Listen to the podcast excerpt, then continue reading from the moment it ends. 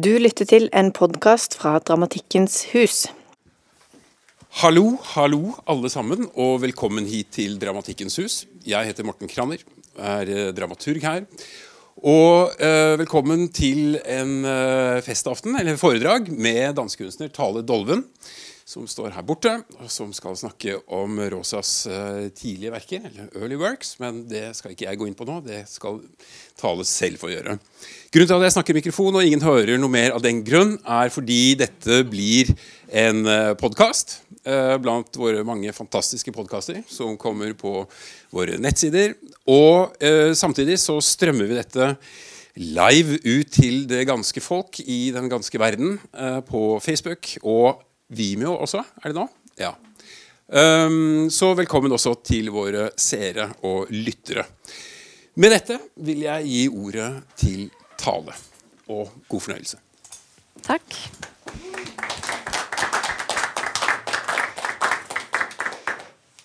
Hei. Um, I dag skal jeg ta for meg uh, Rosas Early Works.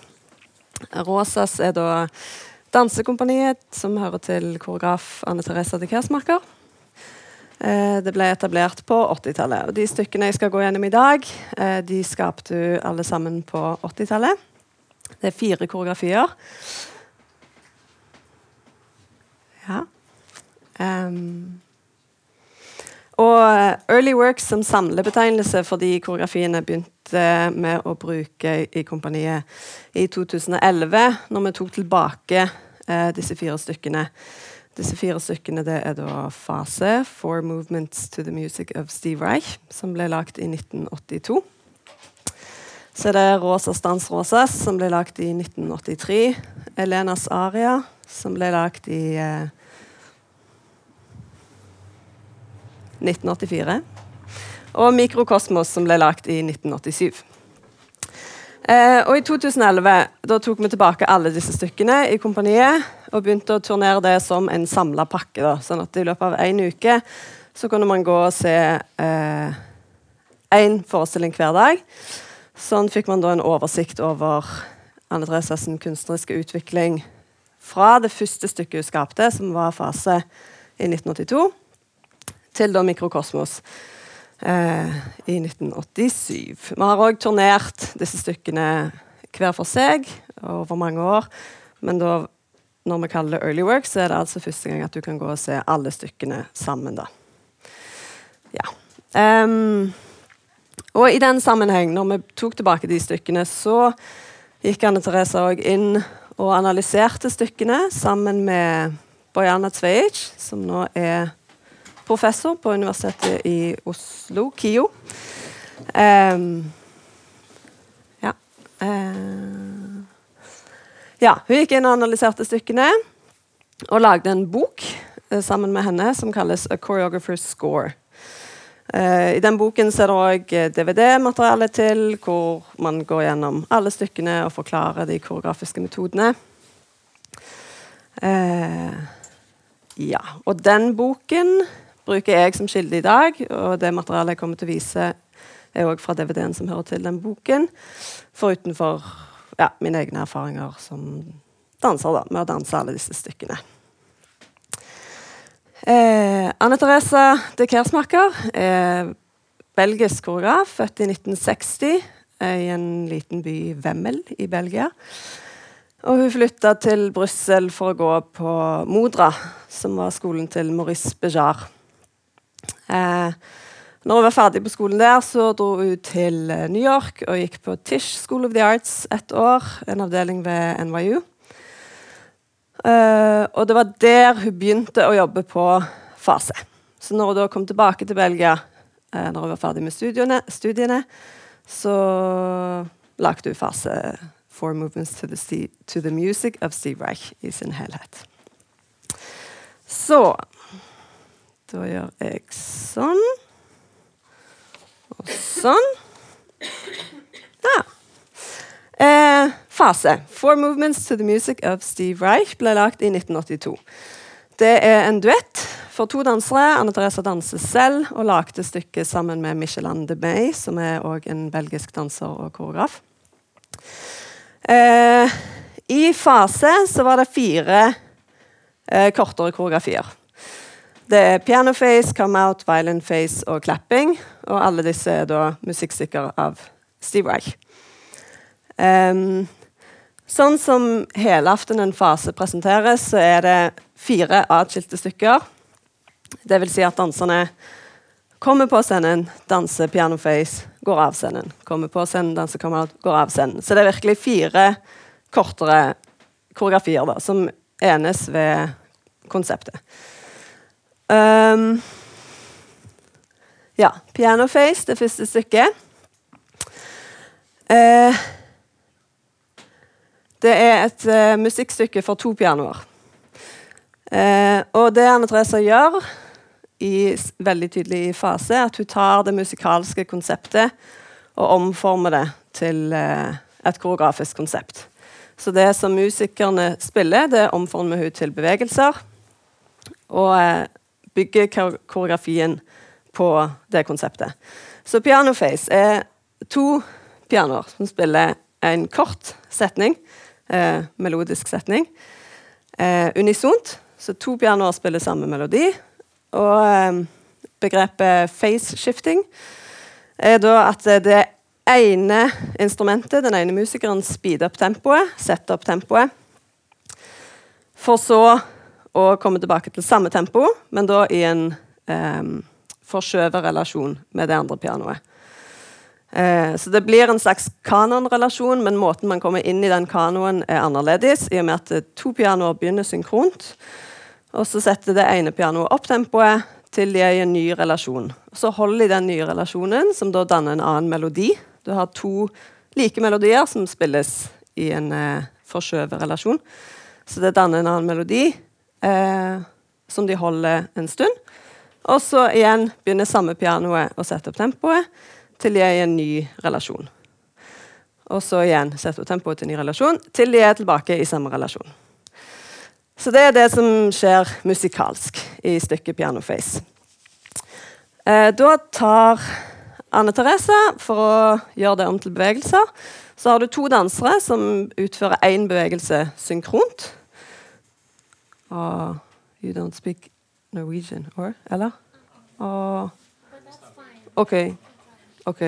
Cool. Sorry. Yeah, OK. Ja, jeg gjør det på norsk for det. Ja. Yeah. OK. Um, ja, to dansere som utfører én bevegelse synkront.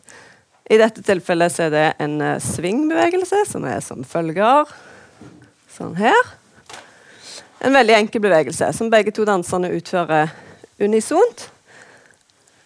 Og så setter den ene danseren opp tempoet til de etablerer en eh, motsatt relasjon. Og så setter samme danser igjen opp tempoet til de igjen er i eh, unisono, synkron relasjon. Jeg skal vise en film av det med det samme. Så det er altså eh, face shifting. Eh, dette er fra en forestilling i 2017. Anne Therese og meg. Eh, fra Børskaburg, som er et ganske lite teater i Brussel. Men det var der de hadde premiere i 1982. Så når det var 25 år siden eh, første forestilling, så hadde vi en forestilling i Børskaburg. Så da kommer dere til å se altså begge to beveger seg synkront. Danseren på høyre side kommer til å sette opp tempoet til meg i motsatt relasjon, og så sette opp tempoet igjen til meg i lik relasjon.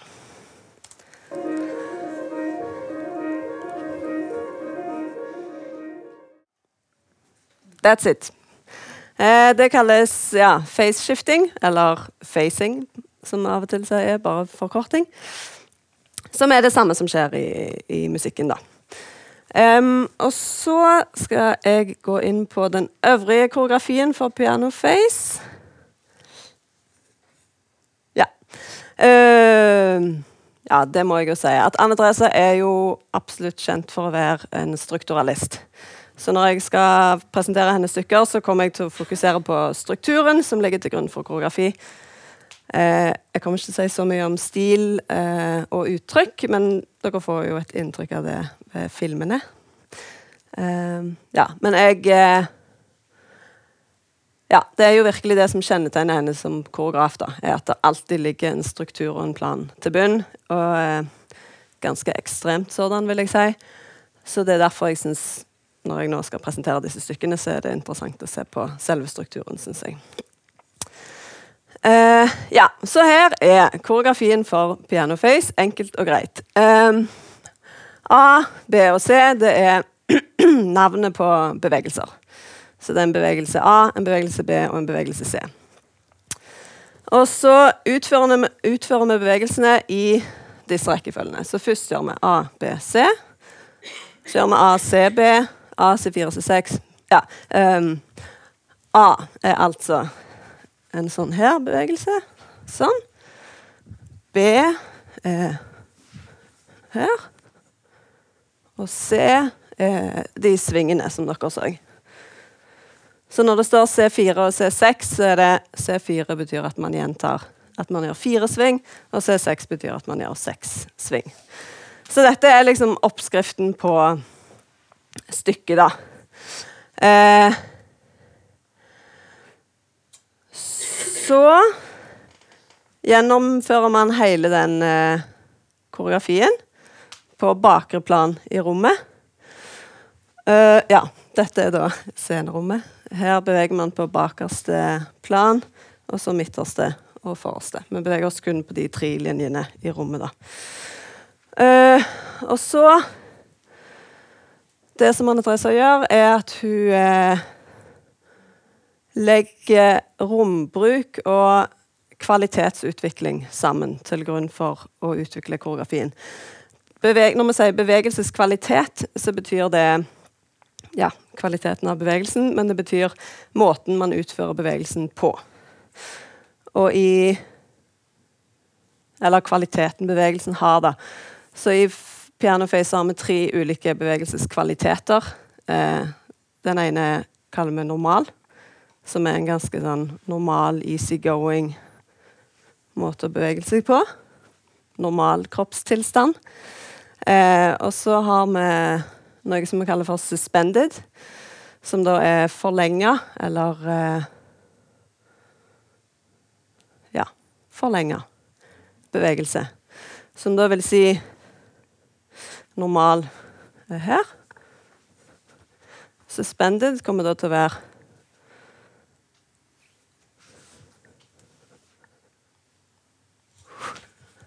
Så den er forlenga både i bevegelsesvidde og i tid.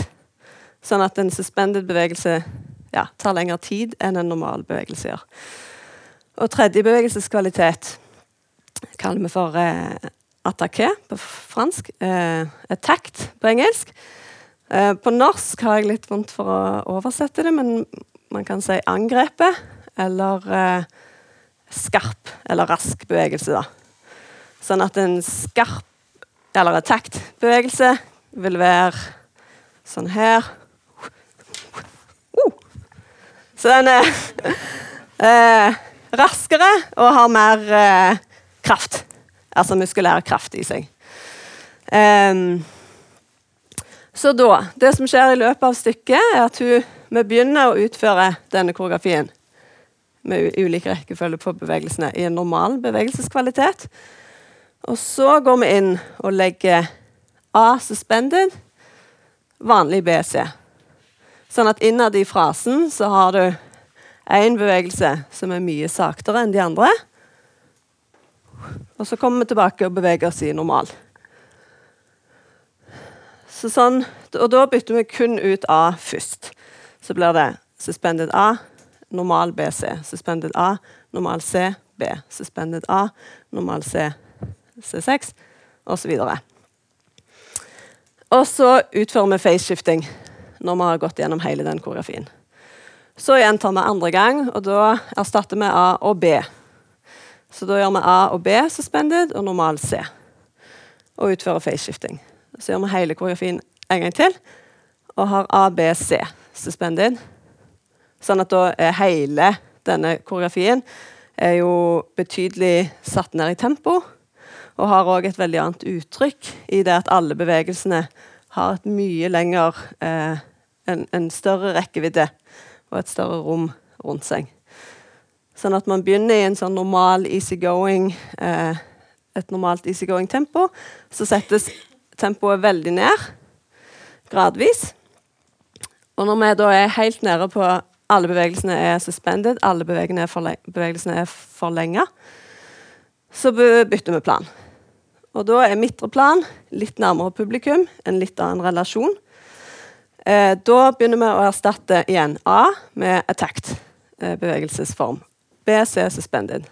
A attacked, C, B suspended, osv.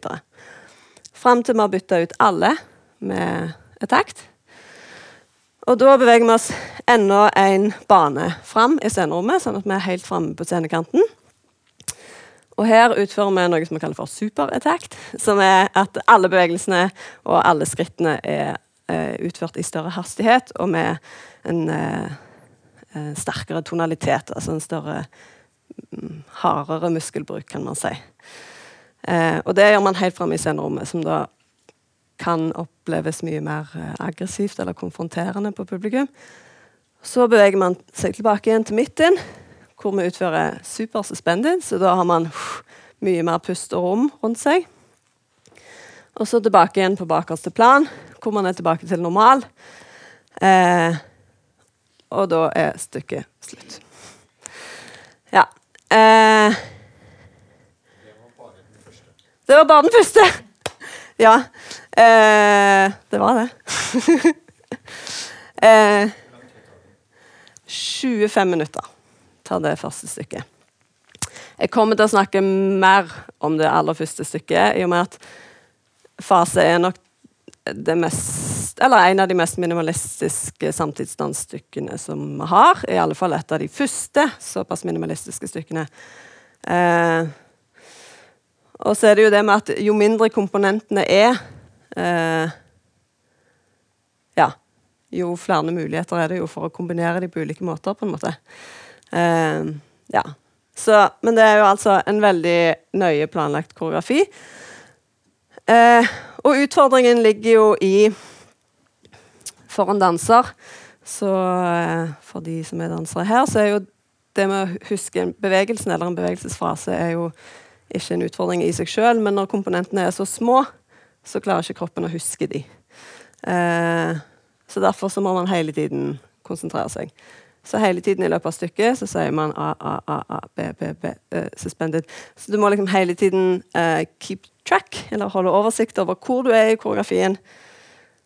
Ja. Så det er en veldig krevende koreografi å, utfordre, å utføre, syns jeg. Ja. Mm, neste er come out. Uh, I out så er uh, danserne sittende på to krakker. Sånn at da er det armbevegelser som er eh, utgangspunktet for bevegelsene. Og her bruker Anne Therese en metode som vi kaller for akkumulering. Accumulation på engelsk. det betyr jo at du har ett element, og så legger du til et nytt. Så beholder du det nye elementet, så legger du til et nytt. Beholder det nye elementet, legger til et nytt. Det er liksom konseptet bak akkumulering. Og enten så kan man bruke det Dansere bruker det ofte til å lage bevegelser. sånn at Man begynner med et enkelt element, og så videreutvikler man og legger på til man har en, kompleks, en mer kompleks bevegelse. Eh, eller så Anne Therese bruker det da her for å lage koreografi. Så da begynner du med en veldig enkel bevegelse, som bare er en armbevegelse. Veldig enkel. Dette er første bevegelse som stykket begynner med. Og så legger hun til en variasjon som er to hender. Så det, man har første bevegelse, og andre bevegelse er denne. Og så kan man bevege seg mellom eh, første og andre, da. Ja? Så beholder man andre bevegelse. Legger til en ny endring. Så har man tredje bevegelse. Så må vi gå tilbake til andre bevegelse. Og tredje bevegelse. Så beholder man tredje bevegelse. Går videre til fjerde bevegelse. Opa. Tredje. Fjerde. Sånn at på den måten så begynner man med en veldig enkel bevegelse, kun én arm, og legger på eh, kompleksitet. Um, så Eh, I pianoface så danser jo to dansere synkront hele tiden. Eh, her har hver sin danser hver sin koreografi, eller hver sin struktur. Som jo òg øker kompleksiteten for publikum. At man ser to, to ulike stemmer. Eh, og da ja, ser dere hvordan du utvikler koreografien her. er at eh, ja, beveger seg fra første og andre bevegelse. Gjør man tre, altså Michelanda gjør tre repetisjoner av første bevegelse og én repetisjon av andre bevegelse.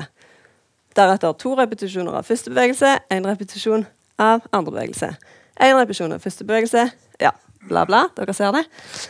Um, ja, Sånn at de to danserne har ulike koreografier. da. Og Begge koreografiene begynner samtidig og slutter samtidig. Det er derfor når vi kommer ned her, at det står 'cheat'. Fordi den ene danseren eh, ja, kutter bevegelsen sin tidlig, da, sånn at de avslutter samtidig. Så det er jo juks. Um, ja, jeg tenkte bare jeg kunne vise den første, sånn at uh, ja, dere kan se hvordan det funker. Sånn. Ja. Uh, da blir det 3, 1, 2, 1, 1, 1, 1, 2. Ja, så det blir altså 1, to, tre. Andre bevegelse. Én. Én, to, én. Én, én, én, én, to. Ferdig. Ja. Så sånn eh, jobber man for å utvikle koreografien der. Så her er i Comout så er da den koreografiske metoden er akkumulering. Og så jobber vi med ulike eh, måter å Eller ulike beløp for hver danser, sånn at man setter det sammen i ulike kombinasjoner. Eh, og sånn fortsetter du å jobbe gjennom hele stykket, sånn at stykket har veldig enkelt bevegelsesmateriale. Bare hender. Eh, men du jobber da med akkumulasjon. sånn at her til slutt så beholder man sjette bevegelse, og så utvikler man en ny bevegelse. Så dette er bare faktisk første del av formaten. Fortsetter på samme måten. Og så Tredje dans i fase er en solodans for Anne Therese. Og den danses på en sirkel i rommet. Um, Anne Therese kommer jo til å bruke gulvmønster veldig mye i sin karriere. Så hvis dere ser et stykke av Anne Therese, så kan jeg oppfordre dere til å se på gulvet, og der finner dere nok mange svar for hvordan danserne beveger seg. Eh, så her bruker hun en sirkel i rommet, og bevegelsesmaterialet som vi bruker her, er sving. Så det er ganske enkelt bevegelsesmateriale. Hun beveger seg med, opa, med sving gjennom rommet. Så bruker hun òg akkumulering ved hver endring. Så det hun gjør, er at hun tegner en sirkel. Så da, Først så beveger hun seg én retning i sirkelen, og så direction 2 andre vei. Så går hun inn, deler sirkelen i fire, beveger seg inn mot senter, ut, inn igjen i senter, ut, inn igjen i senteret. Eh, og så igjen, for hver, hvert nytt gulvmønster, så er det en endring en akkumulering, altså legge til en ny bevegelse. Så sånn sett så blir det òg jo mer å bevege seg i rommet, så legger hun til nye bevegelser for hver gang. Så her beveger seg i et slags åttetall, eller gjennom sirkelen og ut. Eh, deretter ja, inn, ut, over. Inn, ut, over, inn, ut, over. I åtte åttendeler. Eh, danne små kvadrater eller så. Nei, ikke kvadrater. Trikanter. Eh, ja. Så det er ti ulike variasjoner i, i dette stykket. Sånn at eh, hun beveger seg når hun tar en sirkel, som er i utgangspunktet en veldig enkel form å bevege seg på. Eh, men så utforsker hun den geometrisk eh, på nesten alle de måtene man kan dele den inn, da. Eh, og legge til en ny bevegelse for hver gang hun endrer mønsteret i rommet. Så da vil jeg bare vise her et bilde. Dette er en film som er filma ovenifra. Og av og til så viser uh, Gøran Therese bare denne violin face-delen i museum. Og da har hun sand på bakken. Så her kan dere bare se eh, veldig konkret hvordan eh, hun beveger seg gjennom de ulike formene, og da ser man jo òg mønstre som blir værende igjen i, i sanden.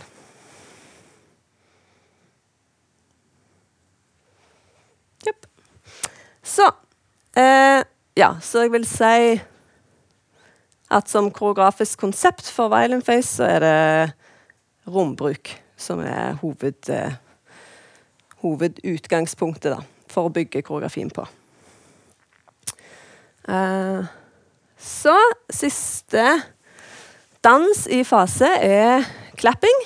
Det er eh, altså innspilt er det to personer som klapper. Eh, og de klapper en liten melodi eller setning på tolv åttendedeler. Eh, som de òg igjen gjentar. Altså mus musikkstykket er jo en gjentagelse. Eh, det er en form for faceshifting, men ikke helt det samme. Fordi det som de gjør Her kan dere se at de begynner likt. Og så tar person to og trekker vekk den første noten. Så da er de i en forskjøvet relasjon. Og så igjen Og gjentar det tolv ganger. Og så igjen trekker vekk, første noten, så de er i nok en forskjøvet relasjon. Og gjentar det tolv ganger. Og så Ja, dette er hva som skjer musikalsk sett. Så gjør de det tolv ganger til de er tilbake i unisono-relasjon. Og da er det som vi gjør eh, danserne, er Jeg tror det var fordi det ville vært veldig vanskelig Eller det vet jeg ikke om jeg kan si. Men vi gjør litt motsatt. Danserne gjør at istedenfor å trekke vekk en setning, så gjør en danser at han legger til eh, en bit først. Sånn at man får en forskjøvet kanonrelasjon, men danserne forskyver koreografien fremover istedenfor bakover. på en måte. Og det gjør man like mange ganger som musikken gjør det. Um, så jeg tenkte jeg kunne vise en film av det. For det er veldig tydelig å se. Så da begynner vi eh, unisont, og så kommer dere til å se når den første danseren forskyver seg. At vi er i en eh, ja, forskjøvet relasjon hvor ingen av stegene faller sammen. Men når, da, når, hun forskyver igjen, så er det noen av stegene som sammenfaller pga. repetisjon. Så da kan dere se eh, ja, Bare observere når vi er sammen, og når vi er ulike.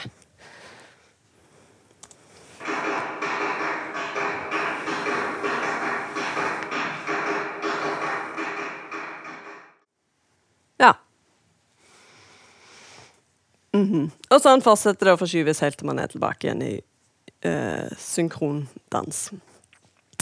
Eh, så det er fase. Det ble veldig mye om akkurat den koreografien. Men eh, i og med at det var hennes første koreografi, eh, og det er òg et stykke hvor det er veldig tydelig hvordan du jobber med eh, et koreografisk konsept, eller en plan som er utarbeidet forut for å lage koreografien, eh, så er det nok det mest gjennomsiktige og det mest eh, konkrete eksempelet på hvor, eh, hvordan du jobber med struktur. Da. Um, så vil jeg òg si at um, Når man jobber med struktur på en sånn måte, så kan det kanskje virke nesten maskinelt, eller uh, ja, umenneskelig. Um, men fordi at fase er en så krevende koreografi, så skjer det nesten alltid at vi gjør feil i koreografien. Og da særlig i pianoface, som er så gjennomsiktig, hvor du har to dansere som beveger seg synkront. Uh, og når vi da gjør feil, så ja, krasjer vi jo, eller uh, Ikke akkurat krasjer, men uh, altså man beveger seg synkront hele, hele, tiden, og plutselig så har man en, en kollaps av det systemet, da. Og det er veldig gjennomsiktig, det er veldig tydelig for alle når det skjer. Man hører liksom et gisp i publikum. Um, så jeg tror at fordi at man bygger opp en sånn fasade som er såpass perfekt, eller ja, lyseblått Det er på en måte et vakkert eh, Vakkert scenerom å etablere. Um, og så ser du to dansere som jobber mot en, uh, en likhet og et slags eh, et utopia. Da. Eller det er jo så, det, så det blir så veldig tydelig når det er feil. Og Derfor føler jeg at egentlig det viktigste med fase, som jeg lærte som danser, er å akseptere feil. Um, akseptere de, og så glemme de like fort som du har gjort de. Fordi hvis du holder fast ved de feilene du har gjort, så kommer du til å gjøre mer feil. Uh, så det er virkelig en konsentrasjonsøvelse. Uh, og en slags sånn nest, Ikke akkurat meditasjon, det har jeg ikke gjort så mye av, men en slags sånn zen-øvelse hvor man må liksom virkelig konsentrere seg, og hvis noe går galt, så må man legge det fra seg og fokusere igjen på koreografien. Så det syns jeg er virkelig det mest interessante stykket jeg har danset, faktisk. Det er alltid, alltid en utfordring, og alltid veldig skummelt. Ja. Så i Ja, nå ble det veldig mye om dette, men det blir mindre og mindre for hvert stykke, i og med at det blir mindre og mindre struktur for hver, ja, til en viss grad, for hvert stykke. Rosas dans Rosas ble lagt i 1983, eh, og det var jo da kompaniet ble skapt. Eh, Tittelen tilsier jo Rosas danser Rosas. Um, som jo òg er en sterk uh, statement. Så her etablerer denne gruppen dansere, som òg var de samme som altså medstudenter fra skolen eh, i Brussel, som etablerer både Rosa som kompani, og, men òg Rosa som stil og form. Rosas danser seg sjøl. Um, Rosas dans Rosas er ganske likt fase, i og med at det òg er fire deler. Veldig atskilte deler. Eh, men her går vi ikke av scenen for hver dans, men er på scenen så hun lager overganger mellom hver eh, koreografi. da. Eh, fire dansere er på scenen hele tiden. Eh, ja. Og til dette stykket så jobber du sammen med komponist, og, eller komponist Thierry de May, som er en belgisk komponist, komponist og filmskaper. Uh, og de utvikla uh, både musikken og koreografien samtidig. Så musikerne jobbet i overetasjen, danserne hadde studio nære. Eh, de utforma et konsept på forhånd, musikalsk konsept for hver del, og så omdanna Anne Teresa det musikalske konseptet om til dans. Um, og da hadde Thierry de May hadde ideen om at stykket, de fire delene, skulle være som en døgnsyklus. Så da er første del eh, er natt. Og da er bevegelsesmaterialet eh, er skapt rundt ideen om å sove.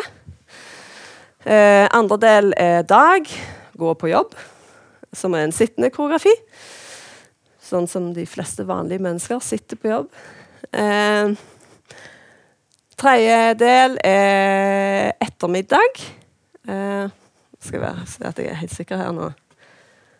Tredje dag er ettermiddag. Og walking, gå på tur. Eh, og fjerde del er kveld, som de sa var party time, liksom. Så Ja. Første del eh, er liggende på gulv. Så fire dansere kommer på, faller på gulvet og blir liggende. Hele første del varer i ca. 40 minutter og er en liggende koreografi. Så det var jo veldig radikalt på den tiden, og er det egentlig ennå, at hele koreografien utføres liggende. Det er sånn at ennå når man turnerer, så ja, blir folk fremdeles veldig overraska over det og liksom venter på at man skal reise seg. Men hele koreografien er liggende. og bevegelsesmaterialet ble utvikla med ideen om å sove eller ligge og prate med kjæresten sin. Så det er ganske sånn eh, Si ifra hvis det skjer noe med lyden. Jeg skal være forsiktig. Men det er liksom Ja, sånn her. Sånn her. Sånn her. Sånn Ganske sånn avslappa, sovende, pratende materiale. Eh, altså pratende. Det liker å prate med hverandre, liksom. Ja. Um, Og så strukturen, da. Selvfølgelig. Eh, da ut, eh, utvikla de en bevegelsesfrase som de kalte ABCD. Eh, her er det ikke bare én bevegelse som er A, men det er en, en egen liten setning, eller en frase, som vi kaller det. Eh, og så rombruk først. Der kan dere se. Fire dansere begynner øverst i hjørnet. Og så har man to stemmer, to ulike koreografier. Tre dansere unisont og én solodanser. Deretter to dansere unisont og på en måte to solodansere. En eh, diagonal relasjon i rommet. Og til slutt tre dansere, én danser, som beveger seg tilbake igjen. Og er alle fire sammen. Så da kan dere se noe som Anne Therese kommer til å bruke mye, som er en eh, speilrelasjon i rommet. At man begynner eh, man begynner i én eh, situasjon og slutter i en eh, ja, speilversjon av samme. da. Uh, ja. Og i forhold til bevegelses... Eller til koreografien, så hadde man Eller vi har tre ulike variasjoner. Ulike måter å bygge eh, ABC og legge sammen ABC på. Det skal jeg vise dere her. Så da variasjon A, hvor man har to stemmer, tre dansere og én danser. Så utfører de tre danserne hele setningen, som er A, B, C, D. Uh, ja. Her er det to ulike bevegelseskvaliteter. Det er enten suspended, som er veldig veldig sakte, eller så er det attacked, once again, som er veldig rask. Uh, så stor bokstav betyr suspended, liten bokstav betyr uh, attacked, rask bevegelse. Så da utfører man en A suspended, og så en A samme bevegelsene, men utføres uh, attacked. Og så B suspended, A attacked, C suspended, A attacked, osv. Og, og det som solisten gjør, eller solist-solostemmen, er at de gjør bare A attacked når det kalles variasjon A. Men de trekker den ut i tid. Sånn at vi beholder fremdeles skarpe, korte bevegelser, men det er mer rom mellom hver bevegelse. Eh, og da Siste gang eh, solodanserne utfører A, så skal de være i en unisono, altså synkronrelasjon. Annet siste gang så skal de være i en kanonrelasjon.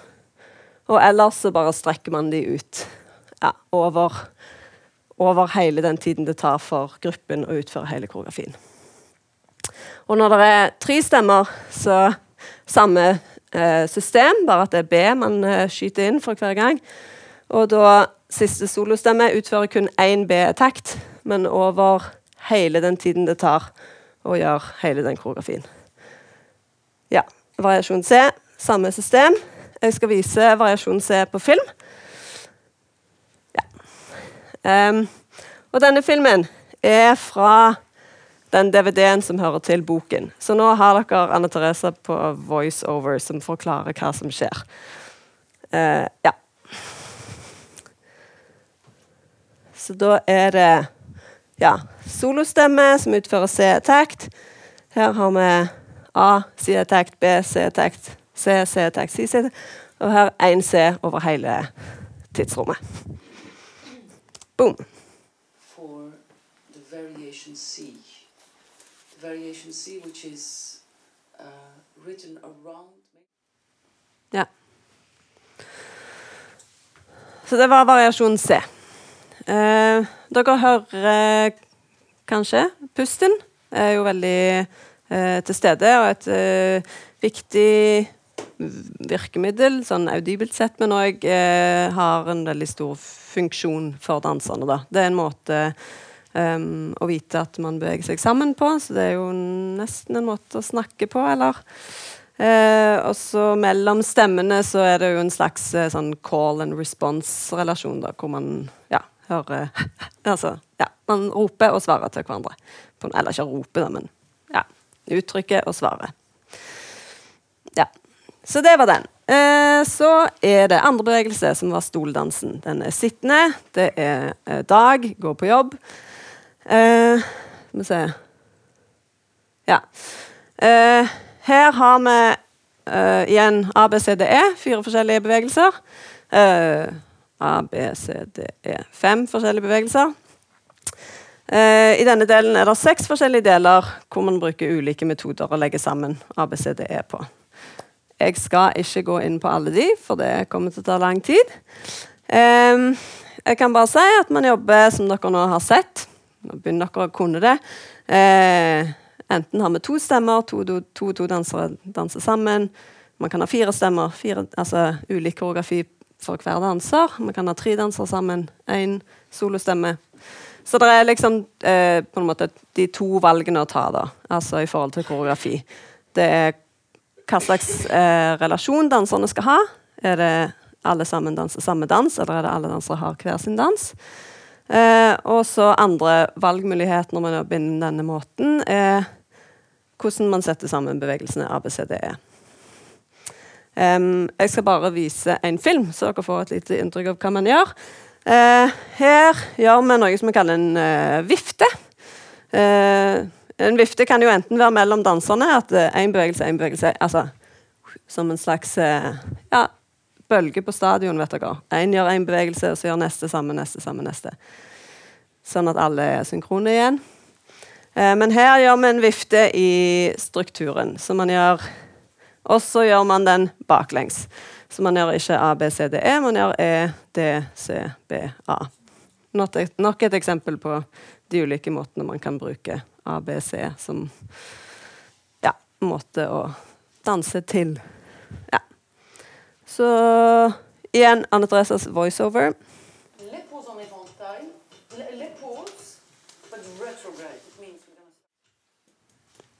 Ja. Det var én av de variasjonene der. Så har man seks ulike sånne variasjoner av koreografien. Som Den varer vel i Det husker jeg ikke helt. Tolv minutter, kanskje, den dansen. Eh, og bevegelsesmateriale, det vil jeg si, det er bare en, eh, egentlig en variasjon av gulvmateriale. Eh, ja, så hvor man hadde sånn her, for eksempel. Sånn her. Så jobber man her.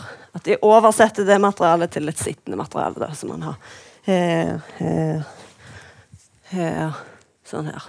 Liksom ja, Bruke det samme materialet som de hadde på gulv, og bare gjøre det om til sittende materiale. Det var den. Og så tredje bevegelse i Rosa Stans Rosas. Den syns jeg vil jeg si litt om, for det er en litt annerledes måte å jobbe med musikk på. Så her er altså den musikalske eh, melodien, eller setningen, hvor eh, man jobber med takter. Eh, var, ja. Ofte har man fire-fire takter. Én, to, tre, fire, én, to, tre, fire i musikk. Mens her har man for Hver takt er ulik. Man har en takt på åtte, en takt på syv, en takt på seks, fem, fire, tre, to. Um, så dere kan se både Anne Therese og uh, Thierry de May, komponisten, var jo veldig interessert i sånn her type Ja matte. Eller uh, brainy konseptualisme, kanskje. Ja. Så da åttetakten blir 1, 2, 3, 1, 2, 3, 1, 2. 7, 1, 2, 3, 1, 2, 1, 2. 6, 1, 2, 3, 1, 2, 3.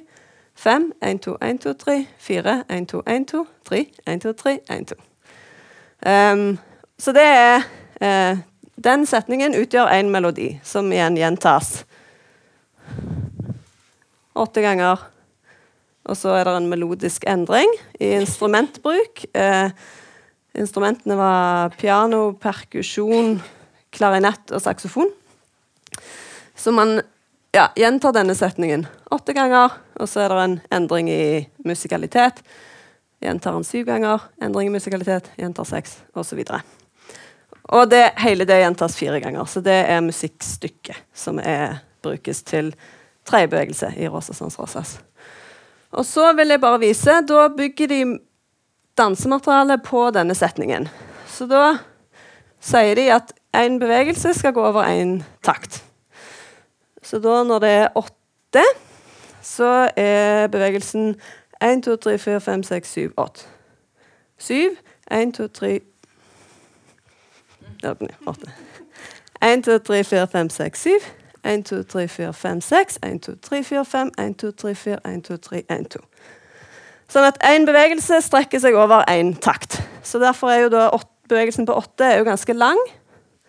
Syv òg ganske lang, og da forlenga eller har en sånn suspended kvalitet over seg. Seks midt imellom. Fem, fire, tre og to er jo veldig kort. Så da ser man da, ja, fra, som sagt, fra første bevegelsen, som er veldig lang, og siste, som er opp, veldig kort. Um,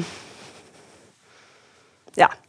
Og så er det samme måte å koreografere på som vi har gjort før. At man har dette som utgangspunkt. Og så går hun inn og gjør endringer i bevegelseskvalitet, som blir utgangspunktet for koreografien. Eh, da har man igjen normal, suspended og attacked. Eh, tre ulike bevegelseskvaliteter. Og da, når man er i åtte-delen, så lager man en suspended versjon av åtte-bevegelsen. Når man er i syv-delen, lager man en suspended versjon av syv-bevegelsen. Så- Og motsatt. Man lager en attacked versjon. Ja. Litt det samme som dere har sett før, så jeg skal ikke bruke for mye tid på det. Men det er som dere ser, et konsept som vi ja, bruker mye da, i disse to første koreografiene. Eh, fjerde del er jo kveld og partytime, som de sa. Dette er en veldig enkel oversikt over rombruk. Her brukes det mye mer hopp og større bevegelser i rommet. Eh, sånn at der koreografien begynner liggende og veldig sakte, så er siste del en slags eksplosjon både i energi og i rom. Bruker mye mer rombruk og beveger seg mye større med hopp og mer energi i rommet. da. Så første seksjon eh, benytter seg av horisontale retninger, andre seksjon, seksjon på diagonal, og tredje på en sirkel. Og så er det jo ikke fullt så enkelt, selvfølgelig. Eh, for å se litt mer konkret, første seksjon så beveger man først framover i kanoen, fire dansere, og så tilbake igjen. Og så skal man danne et kvadrat, da, sånn at man begynner å bevege seg fram i rommet. Første danser beveger seg til siden. Når neste danser følger på, så beveger han seg opp igjen, og så til siden igjen, sånn at man danner et kvadrat i rommet. Så sånn tegner de på en måte eh, rommet, da. Så her i fjerde del er det rombruk som er base for koreografien. Eh, that's it, Elena uh, Rosasans Rosas. Eh, sånn eh, for eh, en danser å utføre, eller det sa Anne Teresa sjøl òg, at eh, når de lagde stykket i kreasjonen, så eh, lagde de den jo mye på papir. Og så er det å fylle inn etterpå med bevegelser, og så er det deretter å kunne utføre dette. da. Man jobber jo gjerne på én del om gangen, og det er kanskje sånn to uker før premieren at man setter alle delene sammen. Og det var jo da de forsto at dette stykket kom til å bli veldig langt. Eh, det varer 1 time og 45 minutter. Eh, og så er det òg ekstremt krevende fysisk. Så det er en, eh, et maraton, kan man si. Eller ja, maraton. Men det er virkelig, for min del, det mest fysisk krevende stykket jeg har gjort. Um, ja. Begynner veldig rolig og avslutter med en sånn fest og energi, men òg eh, utmattelse. Så litt sånn som fase, hvor det ser veldig eh, Det er veldig strukturelt, og det kan se nesten maskinelt ut i sin utførelse. Eh, men særlig i fjerde del, da, hvor man endelig beveger seg større i rommet og, og bruker mer energi, eh, så er det jo dette med den menneskelige kampen om å mestre denne strukturen, men òg utmattelsen som man ser som følge av det. da. Og det gjør det jo igjen, et veldig strukturelt eh, stykke, gjør det igjen veldig humant. Fordi eh, Og det òg er noe man ikke, eller Anne Therese, ikke gjemmer. Og det syns jeg òg er litt interessant i forhold til hvordan man jobber med dans. Eh, I den tiden òg, på 80-tallet, før det, så altså, kunne man jo knapt se en danser puste, eller og på en måte holde masken. Mens her så gjør de den utmattelsen til ja, et materiale eller en tematikk i seg sjøl. Sånn at det er lov allerede fra første del det er lov å jobbe med pust. Eh, danseren ikke Danseren kan ses og eh, oppleves som et eh, hardt arbeidende menneske. ja. ja. Så det var Rasistans Rasas. Så Tredje stykke som de lagde i 1984, var Elenas aria. Og dette er eh, annerledes stykke i Early Works, kan man si.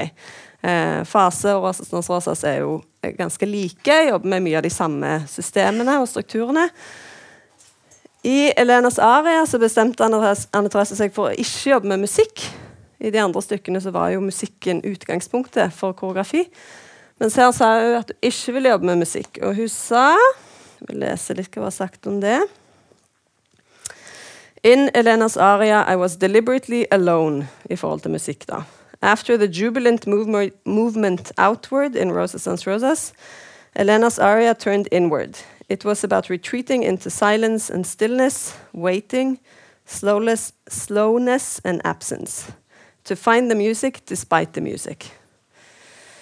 Så ja, før hadde hun musikk som utgangspunkt, mens her så vil de ja, så hun sier se innover. Eh, og finne en slags indre rytme, da, eller finne sin egen musikk fremfor å ta, kon ta konseptet fra et annet eksisterende kunstverk. Eh, en form for selvrefleksjon, da, vil jeg tro, på den tiden i hennes eh, karriere. Og da hadde jo Ja, og når hun sier det med After the jubilant movement outward in Roses and Roses Eh, Anne Therese snakker også mye om energier. Movement outward, movement inward.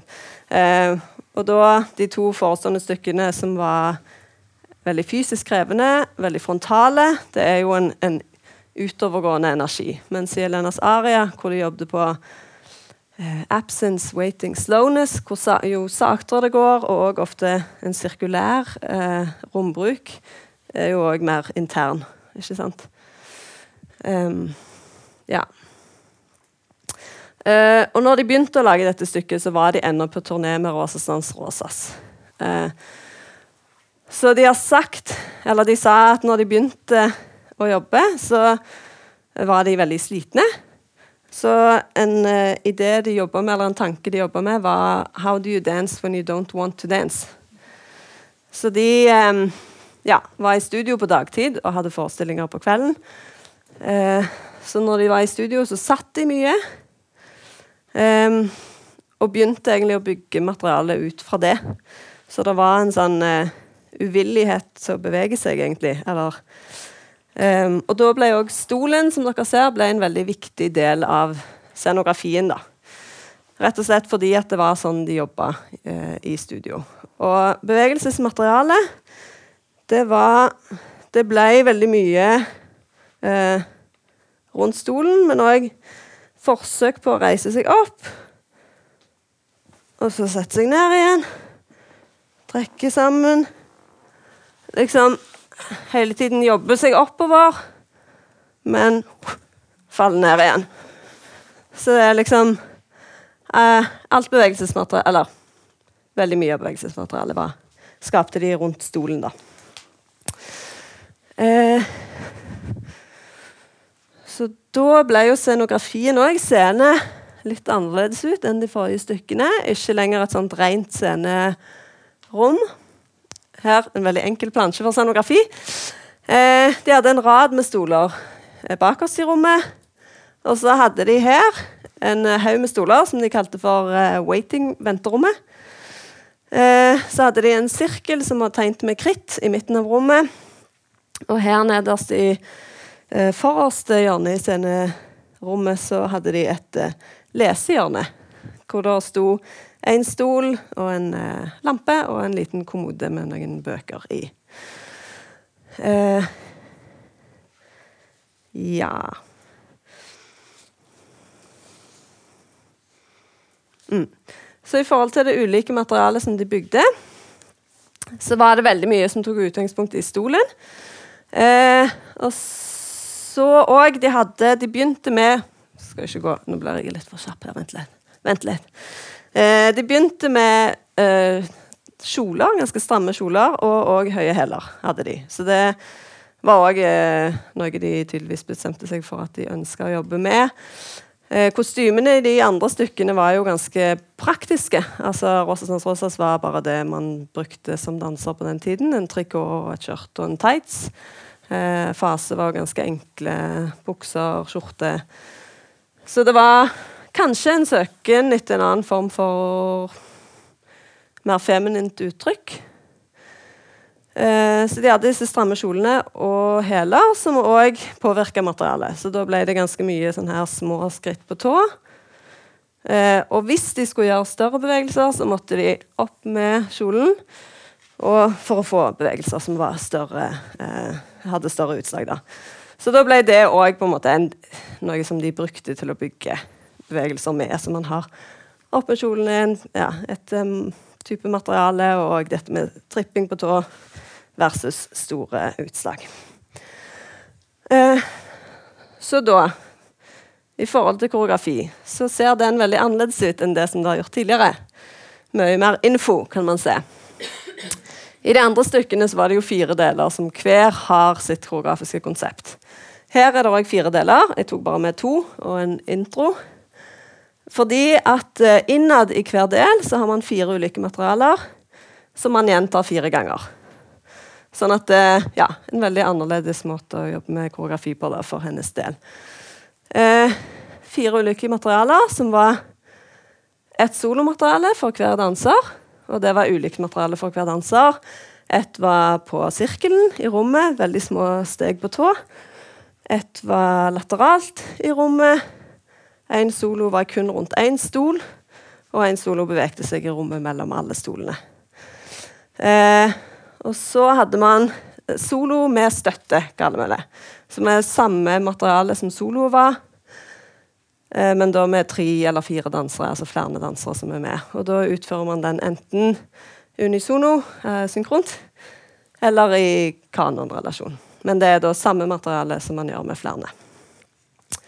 Og så hadde man noe som vi kaller for eh, chair cells, stolceller, som var på den bakerste raden i rommet, hvor man hadde to, eh, tre dansere i hver stolcelle. To stemmer, to dansere som bevegde seg sammen, og én solostemme. Og de beveger seg lateralt over alle stolene til de skyver ut sist, eh, første danser. Um, og så har man variasjon, en variasjon nederst i hver del, som er ulik type materiale. Eh, så de, i Elena Saria så lagde de veldig mye mer materiale enn de har gjort tidligere. Um, og det er det òg når jeg sier at det er et veldig annerledes stykke, fordi at man ser ikke den samme strukturen som hun er kjent for å jobbe med. Da. Det er liksom masser av materiale. Der hun i de andre stykkene gjorde veldig mye med lite materiale, så hadde hun her masse materiale.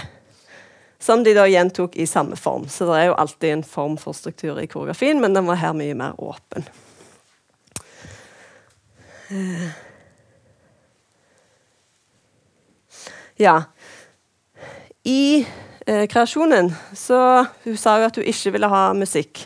Så i kreasjonen så jobbet de med eh, bakgrunnsmusikk, egentlig. Eller de hadde musikk som de likte. Pop eh, og eh, musikk fra operaer. Ulike ariaer og sonater. Eh, på scenen så brukte de to ariaer. Eh, en motsatt sonate Eh, det var vel det, tror jeg. Men den spilles eh, veldig lavt bak i rommet, så det er nesten som om man kommer fra et annet rom. Som òg sammenfaller med dette temaet om fravær, da. At eh, Ja, nesten som om det skjer noe i et annet rom, men disse danserne er her i dette rommet alene. Eh, og så brukte de òg tekst for første gang. Eh, det var òg eh, ulike tekster som Anne Teresa likte. Eh, alle tekstene har til felles at de eh, omhandler fravær av en annen person. Så hun brukte to brev. Eh, et fra 'Krig og fred' eh, av Tolstoy, og et fra 'Idioten' av Dostojevskij. Og da ja, kom leseren fram i lese, eh, danseren kom og satte seg i lesehjørnet skrudde på lyset, tar ut en bok og leser denne teksten uten eh, tolkning for øvrig. Egentlig ganske sånn platt fremføring av denne teksten. Eh, men òg, altså Ja, her står det jo litt om hva musikk de brukte. Musikken var ikke Den var på en måte i et parallellforhold til eh, bevegelsesmaterialet. Så det, sånn som det har vært tidligere, så har det jo vært ekstremt konkret at man beveger seg på musikken. Men her var det en slags Ja, musikken gikk, og teksten ble lest, men det var ikke en relasjon foruten det, egentlig. Så det var mye mer materiale og input i dette stykket, da. Ehm, jeg skal vise en film fra Stolcellen. Da har du to dansere sammen som forskyver én danser bortover langs rekken. Boom.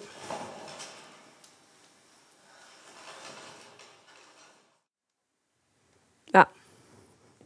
Det var det. Ja. Em, om Elenas aria nå Ja, vi ser så vidt Anne Therese her. Venterommet er liksom her borte. Hvor det står mange stoler sporadisk plassert. Eh, og i og med at de jobba såpass mye med solomateriale for første gang Før jobbet de alltid fire dansere sammen, eller to dansere sammen. Her når de jobbet med solomateriale, så betyr jo det i en kreasjon med dansere at man ser mye mer på hverandre da. Og det at de hadde disse stolene i rommet, så det var ofte altså én danser som jobber på soloen sin, mens de andre sitter og ser på og gir råd. Eller òg når man jobber på stolen, så blir det jo til at man blir mye sittende da, i kreasjonen og prater. Så det med å beholde venterommet på scenen eh, var òg en måte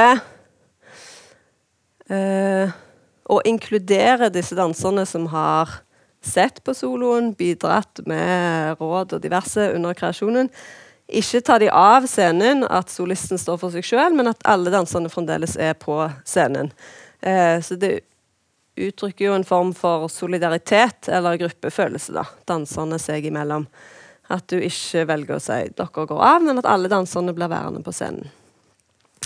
Og òg Elena Saharia, med å ha dette venterommet, med å jobbe på stolen, Ehm, så gjorde det jo det gjorde dette med venting om til materiale. Uh, det gjorde noe inaktivt om til noe aktivt, da, kan man si. Så sånn at det å sitte uh, det er, altså Selv om det er små detaljer Anne Therese jobber jo veldig detaljert, så små endringer er fremdeles òg uh, materiale for henne.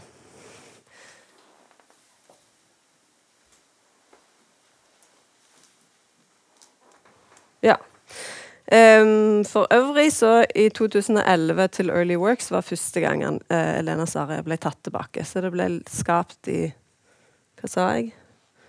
1984.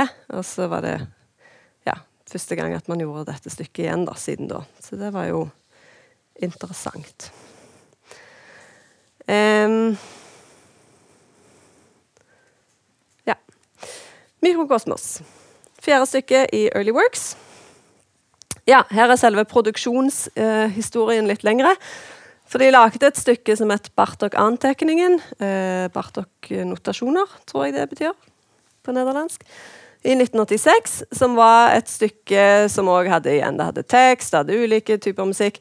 Men det hadde òg eh, Det brukte strykekvartett nummer fire av Bela Bartok.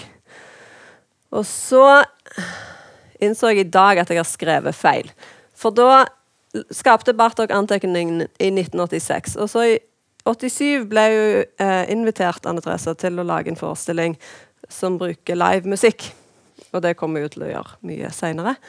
Men i og med at musikk er en så stor del av hennes eh, kunstnerskap, så var det jo naturlig å bruke livemusikk eh, i forestillingene.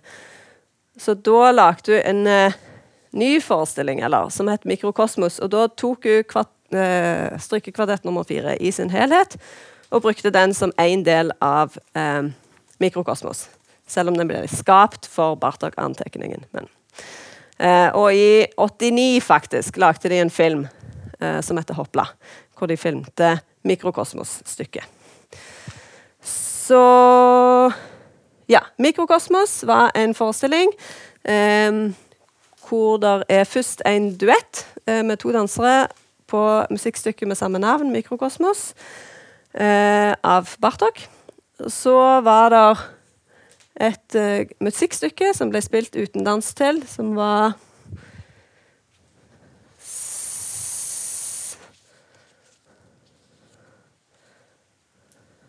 Ja. 'Seven Pieces for Two Pianos' av Ligeti. Og så tredje del var strykekvartett nummer fire, da. Så her skal jeg presentere strykekvartett nummer fire. Som vi òg bare kaller for Bartok. Um, når de begynte å koreografere her, så begynte de med musikkanalyse. Men uh, Bartoks musikk er jo veldig annerledes enn Steve Reich. Uh, I Steve Reich så kunne man ta et uh, ja, konkret musikk, kon, altså et konsept, og omforme til dans. Men i Bartok så er det jo en mer klassisk form eh, å skrive musikk på. Så det er ikke sånn at man kan ta liksom, ett konsept og bruke det. For det er jo veldig mye mer informasjon i en strykekvartett. Men hvis det er en slags Eller hvis man skal lage en helhetlig oversikt å begynne med, så er det jo det at første og femte del i en strykekvartett ofte speiler hverandre. Eh, andre og fjerde del speiler hverandre, og tredje del, som er et centerpiece, eller ja, midtstykke, er jo legato, et veldig sakte stykke. Um, så da i forhold til rombruk så kom det til å se sånn ut at første og femte stykke jobbet frontalt fram og tilbake i rommet, begge to. Andre og fjerde jobber lateralt i rommet, og tredje stykke jobber på en sirkel i rommet. da. Den samme sirkelen som var i Violin Face, Rosas Rosas og Elena Saria. Um, og når de da skulle skape Bartok, så ja, gikk de inn og begynte å gjøre musikkanalyse av notene. Eh, og så bestemte de seg for å bygge koreografien steg for steg, note for note. Så Ja. Det er en veldig annerledes måte for henne å jobbe på, og en veldig tidkrevende. Og en veldig annen måte å jobbe med presisjon på, da, fordi at det er så veldig mye materiale i en strykekvartett. Um, da, så da jobbet de mye med steg som utgangspunkt for materialet. Eh, og rett og slett så på notene og hørte på musikken og oversatte musikken da, til bevegelser igjen. Men ikke konseptet som det var før, men virkelig ja, notene og det som de hørte. da. Så det de ville med dette stykket, var jo Bartok kan jo være krevende å høre på, så de ville ja, synliggjøre musikken, da. Um, og da jobbet de mye med igjen for pizzicato, eller bue Nei, hva heter det? Sånne stre, plukk. Strenge plukk. Eh, så brukte de mye små skritt på tå igjen. Eh, for lengre buestryk eh, bruker de mer plié eller turns, eller sånn ja, turns. Eh, og for aksenter så bruker de legge inn armbevegelser, da. Så en ganske ja, straight on liksom, oversettelse av eh, musikken. Men de begynte å finne visse eh, De ut, eh, utvikla da på en måte lydord, eller on onomatopeias. Onomatopeia, vet ikke hva det heter på norsk. Ja, Samme på norsk. Hvor de da utvikla eh, bevegelser som de ga ord som gjenspeiler det som de hører, da. Så da var det ord som eh, Da var det ikke lenger ABC, men det var f.eks. tjakk, som er et ord de bruker mye, som er en slags eh, en, chak-bevegelse. Det er en mer uh. Eh, så brukte de cluster, som er en slags kollaps. Når det er en cluster, så kollaps ned til gulvet. Kataklopp var et ord som de begynte å bruke, og det var sånn her hopp. Bartok bruker jo mye folkloredetaljer i musikken sin. Så det kunne man òg se i koreografien. da, At det er sånne litt sånn folk, litt folkedansaktige steg. Men altså hovedsakelig steg på musikken, note for note.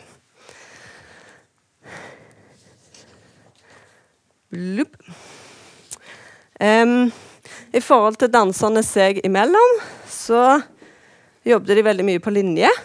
De jobbet foran speilet i kreasjonen. Eh, og danste hele forestillingen I alle fall store deler av forestillingen er eh, synkront dansa. Så man har én koreografi, alle danserne. Eh, og da jobber man enten frontalt på en linje med lik avstand mellom hver danser. Eller så jobber de i en uh, diamantform. Ja. Én øverst, nederst. Uh -huh. Eller to parallelle linjer. Så danserne beveger seg eh, inn og ut av linjen og inn i disse ulike formasjonene. Og så beveger man seg i rommet, sånn som dere her kan se, enten frontalt alle fire side ved side, eller sirkulært eh, eller lateralt i disse parallelle linjene. da. Eh, Og i Bartok vil jeg si at hovedutfordringen for danserne er dette med eh, disse formasjonene. Eh, fordi at hvis man beveger seg på en sirkel i en diamantform, for eksempel, så vil det jo si at danseren som er innerst i sirkelen, må jo bruke veldig små steg, mens danseren på ytterst i sirkelen må bruke lengre steg. Eh, og de forholder seg til samme tempo på musikken. Så det er en del sånn forhandlinger danserne seg imellom som er eh, veldig krevende, og som er på en måte hovedutfordringen, vil jeg si, i å, i å fremføre Bartok. Stryke kvartett nummer fire. I tillegg til det at det er veldig høyt tempo og krevende musikk å forstå. Eh, ja. Og så jobbet de her for hver Det er jo fem musikkstykker. Eh, før hver del hadde de en del i stillhet. Og i den delen i stillhet så eh, presenterte de det materialet som skulle komme. Eh, og grunnen til at de gjorde det, var fordi når man ser på dans med musikk, eh, så har jo det selvfølgelig en Det merger jo, eller det sammenfaller. Um, så når man da tar vekk musikken, så blir det desto tydeligere hvor musikalsk koreografert dette er. Uh, og òg Vi bruker slags støvletter, så lyden er igjen veldig viktig. Uh, og i det at lyden da er veldig transparent med disse støvlene, uh, så viser det jo òg hvor stort samarbeid som kreves da, mellom danserne for å utføre dette unisont. Ja, så jeg skal vise en liten film av det. Det blir delen i stillhet mellom første og andre bevegelse og første del av andre bevegelse. Så da beveger de seg lateralt i rommet. Um, ja.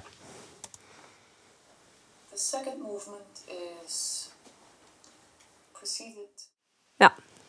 Det var det. Av første del. Ja. ja. Så det var de eh, fire første Eller ja, de fire første stykkene som Anne Therese skapte på 80-tallet. Eh, hun jobber fremdeles eh, med struktur på mye av samme måten. Alltid med en plan for rombruk. Eh, alltid begynner en kreasjon med musikkanalyse. Eh, særlig for early works da, så kan man se Det var jo de første stykkene hun skapte, så de er veldig sånn eh, De er veldig eh, tro til strukturen, da. Em, og så er de òg veldig fysisk krevende. Eh, jeg vil si at eh, det man òg kan se, eller som danser, da, og danse disse, disse stykkene, er at eh, når man jobber med struktur og rombruk på denne måten, eh, så disse stykkene de kan ikke, eller de skal ikke danses alene. Eh, man må legge fra seg sitt eget ego, og man må nødt til å forholde seg til de andre danserne eh, på en måte som er ekstrem i disse stykkene, vil jeg si. I og med at det er såpass eh, strukturert, da. Um, og òg det at de er så fysisk krevende, gjør òg at vi ja, avhenger av hverandre, eller bruker hverandre opp for, ja, Oppmuntrer hverandre veldig innad i stykket, bare for å komme oss gjennom det, da. I og med at det er såpass krevende. Så um, ja. Særlig for early works er det veldig tydelig dette med gruppefølelsen. Og eh, ja, en slags eh, en solidaritet mellom danserne, da, som jeg syns virkelig eh, kommer tydelig fram. Og så er det jo òg bare kvinner. Sånn begynte kompaniet. Etter dette begynte jeg òg å danse med menn. Eh, men det er jo òg veldig sterke kvinnestykker, alle disse stykkene. Så ja. Det var det jeg hadde. Takk for meg.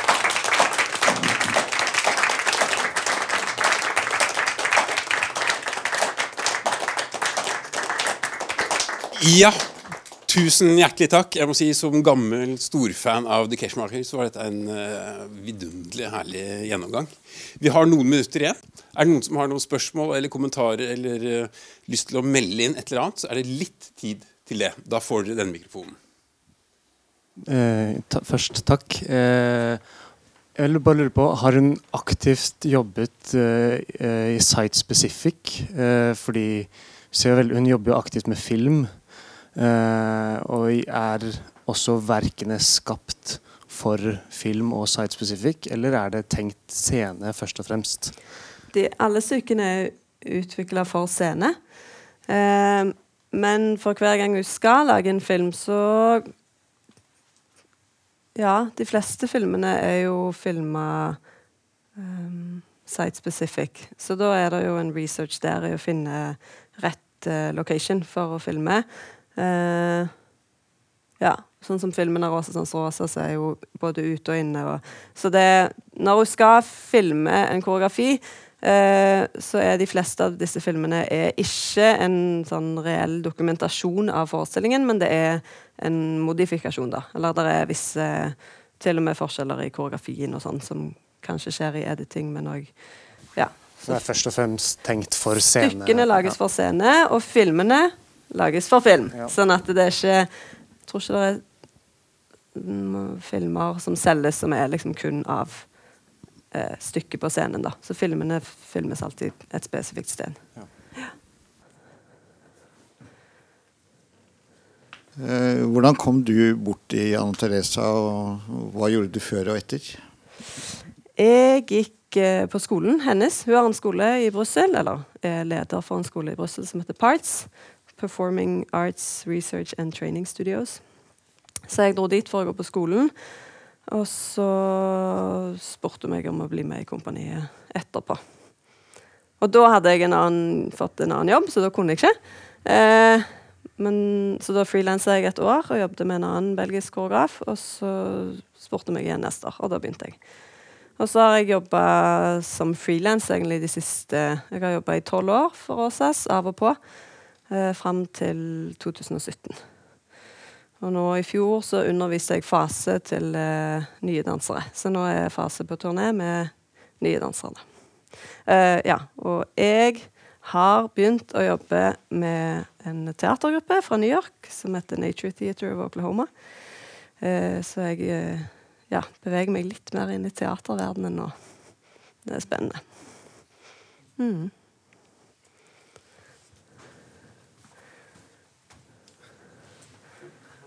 Eh, tusen takk. Eh, jeg bare lurte på om du du sa jo innledningsvis at du ikke skulle snakke så veldig mye om bevegelsesmateriale, men eh, jeg syns at Rås, eller Anna Therese har jo også en, en veldig eh, Det er en veldig spesifik, et veldig spesifikt bevegelsesspråk da, som hun har utviklet eh, mm. over mange år.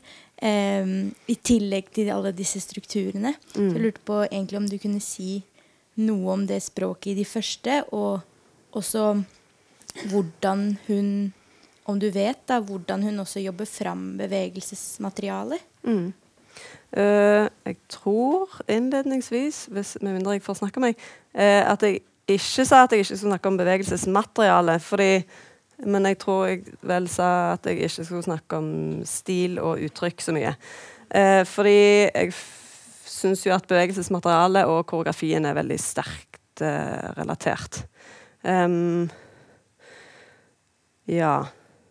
Så i forhold til det med bevegelsesmateriale, så håper jeg nå at jeg har sagt litt om hvordan Jeg tenkte nettopp dette med språk, da. Ja, eller fordi det er et veldig sånn karakteristisk språk ja. uansett. Altså videre også når hun har gjort litt sånn enda mer komplekse strukturer der hun egentlig ikke ser noe struktur i det hele tatt, så ja. er det fortsatt noe veldig karakteristisk ved måten hun får danserne til å bevege ja, seg. Da. Absolutt. absolutt.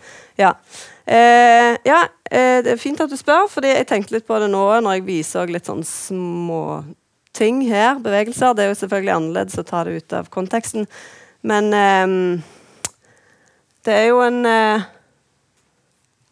En eh, underlig måte å jobbe både med altså veldig store og tydelige bevegelser. Eh, Samtidig som der er dette elementet av det hverdagslige, eller sånn casual, men som vi òg gjør om til materiale, da. Eh, så sånn at dette med å Ja, det med å sitte på en stol som på en måte ser ganske basic ut, men det er liksom en del av materialet, da. Alt dette er liksom Hun lager materiale av mm, væremåter, kanskje, eller sånn.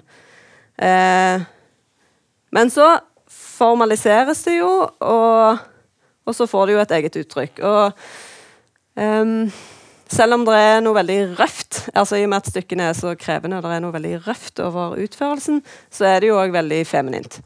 Uh, og sensuelt til en stor grad. um, men det er vel kanskje det som jeg tenker at det er en litt sånn rar uh, metamorfose der mellom dette veldig casual, relaxed, eller sånn nesten nonsjalant, liksom, og samtidig veldig konkret uh, Eller abstrakte bevegelser, da. Konkrete, abstrakte. Ja.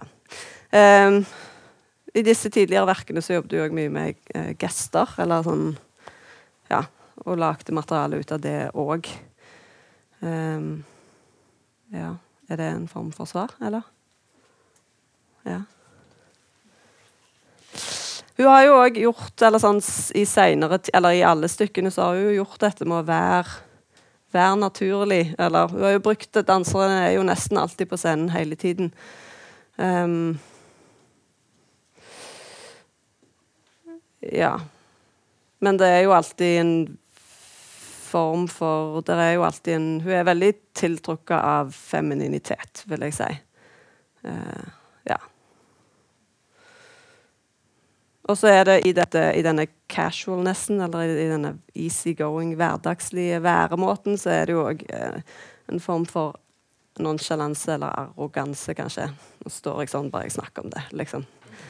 Ja. Ja. Jeg vet ikke om det blir det siste spørsmålet, men eh, ut fra det utgangspunktet som du har vist oss nå, eh, hvordan, eh, hvor ligger Anne Therese Grende Kessmaker i dag i forhold til dette, dette språket? Jeg tror eh, Jeg syns i alle fall på seint Altså Etter dette så hadde hun jo en, en periode hvor hun utforska teatralitet mye mer. Eh, og så på sånn seint 90-talls, tidlig 2000, så var hun veldig tiltrukket abstrakt, eh, abstrakt bevegelsesmateriale. Uh, snakker alltid om arki altså architectural movement, arkitekturelle bevegelser og retninger i rommet. Um, så da var det jo mindre av dette med stil og gester, men at det var mer, mye mer i stykker som 'Drumming of Rain', så var det mye mer abstrakt bevegelsesmateriale da, som forholder seg til ideen om en slags arkitektur i bevegelsene. Rette linjer eller kurver. Ikke noe midt imellom, på en måte. Um, så er jo Og nå uh, jobber fremdeles veldig tett til musikken og veldig strukturelt i forhold til rombruk. Men i forhold til bevegelsesmaterialet, så Altså, hun, tar og får jo alltid mye av de danserne hun jobber med, da. Uh, så, og det forandrer seg jo over 30 år. Uh, så nå, når jeg sier dette med rette linjer, uh, så er hun nok mye mer i, i mellomsjiktet der.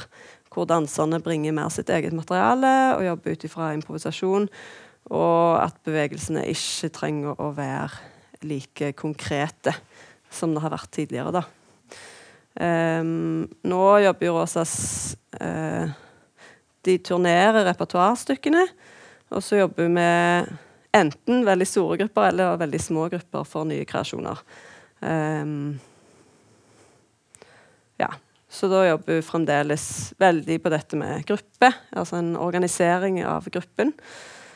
Uh, ja. Ok. Da, ja. tusen takk til Tale. Og takk for at dere kom, alle sammen. Kom gjerne tilbake om 14 dager. Da har vi et nytt foredrag, og det er Jan, husker du det? Nei. Det, det er Mia. Det så jeg. Ja, det er Mia Habib. Kommer om 14 dager. Tusen takk. Du har nå hørt en podkast fra Dramatikkens hus. Har du lyst til å høre disse foredragene live? Sjekk ut våre hjemmesider dramatikkenshus.no.